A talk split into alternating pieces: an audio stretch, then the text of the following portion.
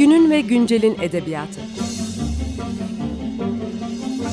Romanlar, hikayeler ve kahramanlar.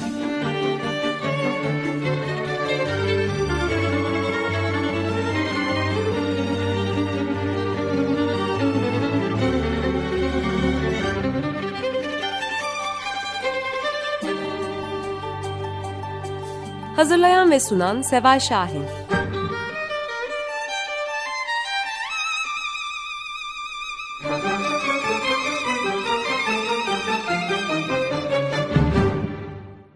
Merhaba, 95.0 Açık Radyo'dasınız. Günün ve Güncel'in edebiyatında ben Seval Şahin. Bugün program konuğumuz Mehmet Bilal Dede ile birlikte geçtiğimiz Kasım ayında İtaki Yayınları tarafından yayınlanan Unutmadan adlı romanını konuşacağız.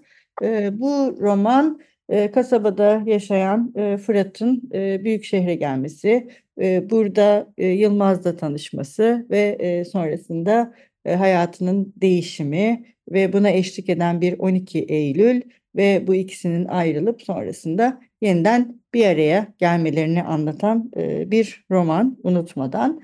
E, evet, e, öncelikle hoş geldin tekrar Bilal. Hoş bulduk, çok teşekkür ederim. E, şimdi bu e, romanda Fırat'ın e, yani roman Fırat'ın ailesiyle ilişkileriyle başlıyor ilk başta. Onun e, kasabada e, büyüyor ve asasilik biri aile içinde de pek yeri yok. E, sonra da e, kas, şehre geliyor. E, onu büyük şehre getirmenin ve kasabadaki bu hayatını anlatmanın e, rolü ne romanda? Neden yani onu iten sebepleri mi göstermek istedim? Bu taşra ve büyük şehir arasındaki ilişki hiç önemli miydi? Bu ilk... ee, benim açımdan evet biraz zıtlıklarla gitmek istedim. Buna e, karakterlerin zıtlığına gelene kadar e, coğrafyanın aldıkları kültürlerin, e, eğitimlerinin, aile içindeki ilişkilerinin, onların dünya ile ilişkilerinin zıtlığıyla başlamanın önemli olduğunu düşündüm. E, kitap okuyanlar bilir, Yılmaz Şehirli e, üniversiteye çoktan başlamış ve siyasetin içinde e, bir aslında küçük burjuva e, ailesinden yana bir derdi yok, varoluş derdi yok. E, bir böyle deyim yerindeyse çocuk sarhoşluğuyla çok sevilmenin getirdiği bir mutlulukla idealleriyle, ideolojisiyle, hayalleriyle e, gayet kendine oluşturmuş bir Yılmaz var. Ama Fırat bunun tam tersi. Yaşadığı yerden memnun değil, varlığından memnun değil. E, bir arayış içinde. O arayış için ben bu zıtlığa ihtiyaç duydum. E, bir de kasabanın halini, ruh halini, bir insanın daha doğrusu kozasından çıkmak isteyen e, bir kelebeği zorluğu gibi anlatmak istedim. E, kasaba hepimizin iyi kötü bildiği e, gibi kapalı bir yer. E, iletişimi çok az ama dedikodusu veya e, gözetlemesi çok yoğun bir yer. E, ve uçmak isteyen, kanatlanmak isteyen bir genç için de hayli e, baskılayıcı bir yer. Hele de bizim Fırat gibi hayalleri biraz daha e, o coğrafyanın e, ölçülerinde uçuk sayılabilecek gibi ise haliyle bu zorluk, bu zıtlık ben e, ihtiyaç duyarak yazdığım bir roman, en azından romanın o kısmı ihtiyaç duyduğum bir şeydi. Aslında ruh hallerine de bir e, hazırlık yapıyor değil mi bu kasaba ve büyük şehir? Yani bir Tabii. onların ruh halini oluşturan zıtlık yani sadece iki farklı yaşam e, coğrafyası değil e, bu ruh halinin nasıl şekillendiğiyle de yani o kasabanın kasvetiyle hani büyük şehrin evet. ferahlığı bir taraftan değil mi? Çünkü ya da imkanlarla e, dolu olması. Evet. evet. O ruh halleri birbirlerini tanıdığın, tanıdıktan itibaren zaten kendini gösteriyor ve e, Fırat biraz suskun dinleyen, izleyen olmasına rağmen o çelişkileri, şehirlerin birbiriyle kurma, ilişki kurma şekillerini e, hep gözlemliyor. O bunun yaşadığı, Fırat'ın yaşadığı bir şey değil bu.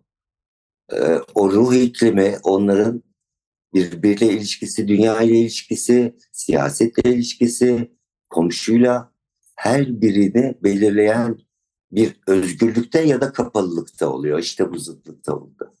Tabii bu zıtlık sonra bir değişimi ve dönüşümü beraberinde getiriyor. Buna da bir hazırlık. Çünkü ikisi e, tanışacaklar ve e, Fırat açısından bir değişim e, ortaya e, çıkacak. E, peki e, bu değişim neden? Acaba bunları e, tam da bu değişim aşamasından sonra birbirinin zıttı değil de e, birbirinin ötekisi gibi düşünmek mümkün mü? Zaten tam dediğin gibi oluyor çok kısa bir süre içerisinde. Yani birbirinin ötekisi doğru. Ben zaten bütün ilişkilerde bir böyle bir iki yabancı diye düşünürüm herkese. Ee, iki Türk olabilir, iki farklı şehir olabilir, iki ayrı cinsiyet, aynı cinsiyet hiç fark etmez.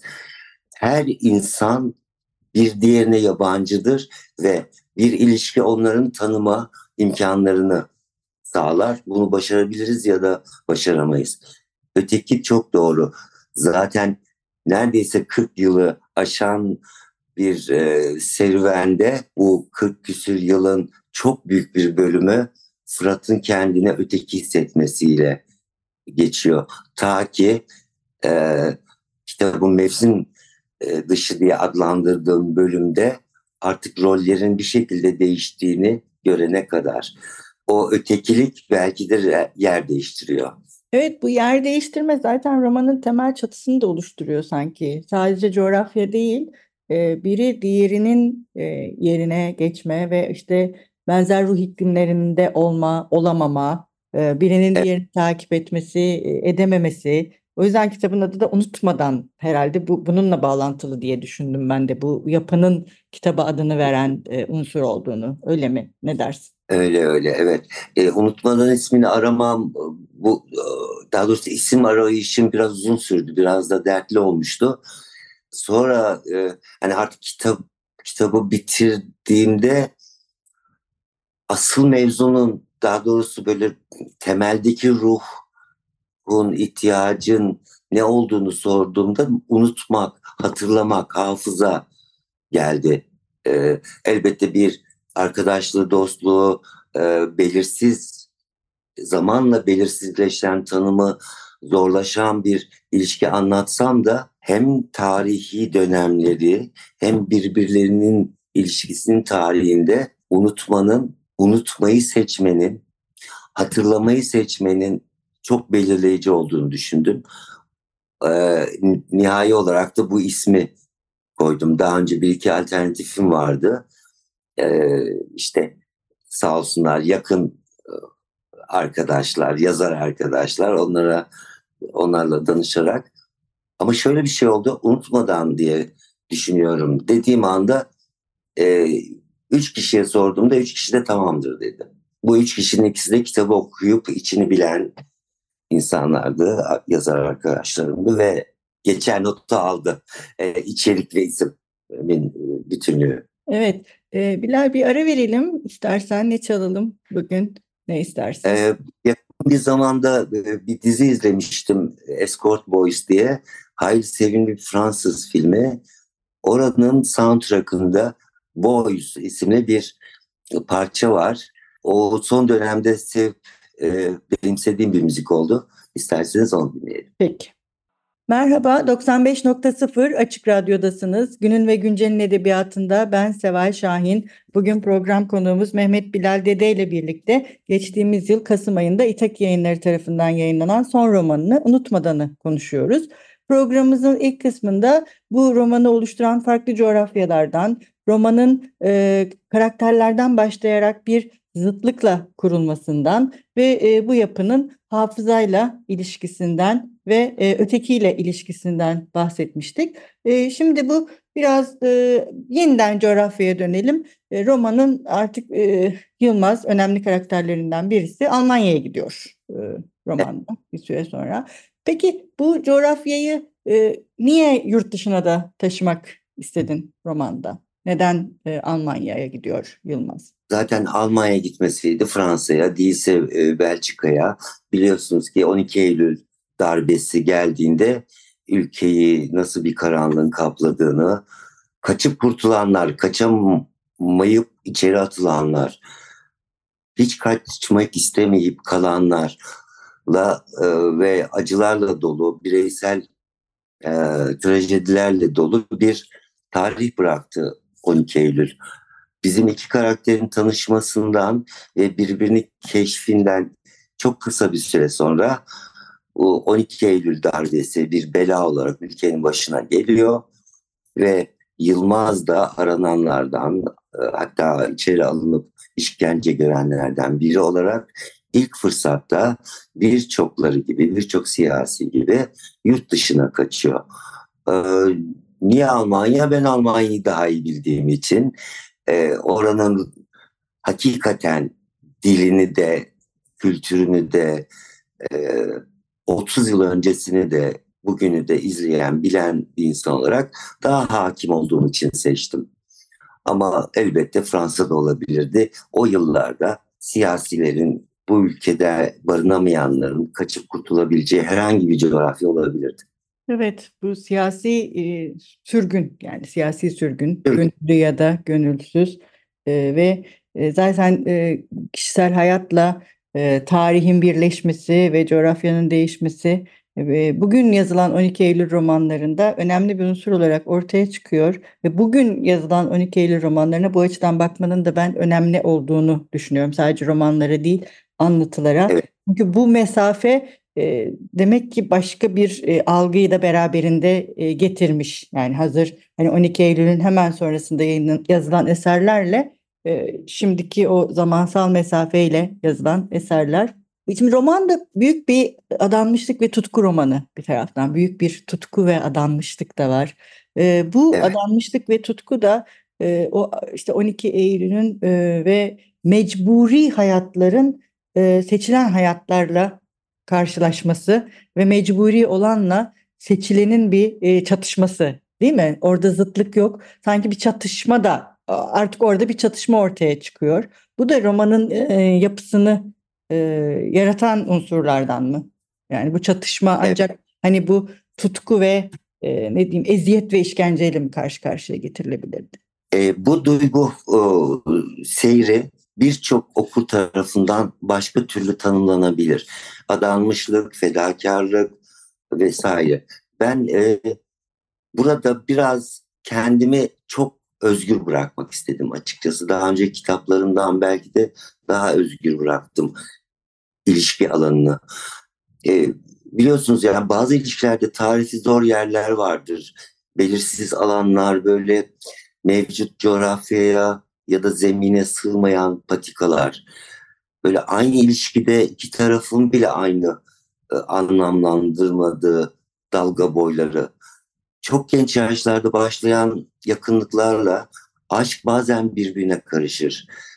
E, çizgileri çok kesin olarak ayrılamayabilir. İşte arkadaşlık, dostluk, sevgilik nerede başlar, nerede biter? Aşk ve sevgiyi birbirinden ayıran ne? Tanımlanmış bir sınır var mı? Muhatabınla yaşadıkların mı belirliyor bu ayrımı? Yoksa duygular mı? Ben bu duygu hallerini biraz kurcalamak istedim. Önümde de çok uzun bir e, mesafe, yol vardı bu ilişkiyi anlatırken. Tabii bir de şu var, biz nasıl seviyoruz? Sahiplenerek mi, tutsak ederek mi, borçlu kılarak mı, duygusal bir bağla zincirleyerek mi? Marazi bir bağlılıkla mı, bir tutturuklukla mı, tutkuyla mı? Hepsinin dışında insan aşkla sevemez mi? Bunun illa adı aşk mıdır? Ben buraları biraz kurcalamak istedim. E, çünkü biliyoruz ki bazen özünü aşan tezahürlerle e, gösterebilir kendine bir duygu. Aşabilir mevcudu. Yani duygunun kendisini çok başka yerlere savurabilir. Ben o açıdan okurları hizaya hizalamak, hizalamaya çalışmak yerine kendi deneyimleriyle, kendi kalpleriyle ve psikolojileriyle keşfe çıkmasını e, bekledim. E, ona zemin hazırladım. Bu çok uzun serüvende aslında o senin başta çatışma dediğin şey e, çok e, canlı yaşanmıyor. Çok uzun zamana yayılarak hani bir kolayca söylemek gerekirse bir hesaplaşma hani çatışmanın gereği olarak. Bu o kadar uzun zamana sessizce yayılıyor ki o sıcak çatışma olmadan sıcak başka bir şeye dönüşüyor. Bu sefer arzulanan bir birliktelik mi yoksa razı olunan bir birliktelik mi diye bir çelişkiye düşüyor kahramanımız. Buraları dediğim gibi çok açık bırakmak istedim. Ee, okur kendi keşfedecek oradaki duyguları evet. ve onların duraklarını. Evet dediğin gibi bu uzun ve zor bir süreç ve acı, acılı da bir süreç yani çok e, kolay evet. değil. E, evet programımızın e, sonuna geldik. Biz e, programımızın sonunda yazarımızın eserinden okuduğu bir bölümle dinleyicilerimize ve okurlara veda ediyoruz. E, bugün sen unutmadan kitabından hangi bölümle veda etmek istersin? Sabah şöyle bir baktım. e, böyle ufak bir yer aya, ayırdım. Umarım dinleyicileriniz beğenir. Çok teşekkür ediyorum ben şimdiden. Ben de çok okumaya... teşekkür ederim. Daha nice kitaplarda buluşmak üzere. Hoşçakalın. Görüşmek üzere. Son söz senin. Kılavuz, idol, rol model, örnek, önder veya her an fırçalanacak bir hizmetli. Öyleyse yine fedakarlık sayılmazdı yapacakları. Boşuna yanıltmamalıydı kendine. Eski dost, sadık arkadaş, hayırlı kardeş, çaresiz sevgili, utangaç aşık, öfkeli hayran, kahramanına küsen meczup, yokluğuyla kıvranan müptela, minnettar hasta Fırat ve değişik yerlerdeki, değişik ruh hallerindeki Fıratlar son 40 küsur yılın içinden seslerini duyurmaya çalışıyordu. İnsan vicdanından bir şey gizleyemiyordu galiba hele hiçbir duygusunu unutmamışsa, hayatı boyunca ruhuna damga vurmuş tek kişiye nasıl sırtını dönerdi insan? Ona gençliğini getiren adamı görmezden gelebilir miydi? Biraz daha zaman, bir tur daha, ikinci bir yarı. Anlamlı bir son hak etmiyor muydu bu doyulmamış arkadaşlık? Hesaplaşmak, ödeşmek, helalleşmek için değil, hakikaten dost olmak için. Hem o sessiz yılların kırgınlığı nasıl geçecekti? Belki kader, belki ilahi adalet ya da hayat. Alın size ikinci bir fırsat diyordur. Al bakalım Fırat Efendi diyordur. Bu defa dümen sende. Bakalım geçmişin senden esirgediği ölümsüz bir anıyı tutup yakalama şansını nasıl kullanacaksın?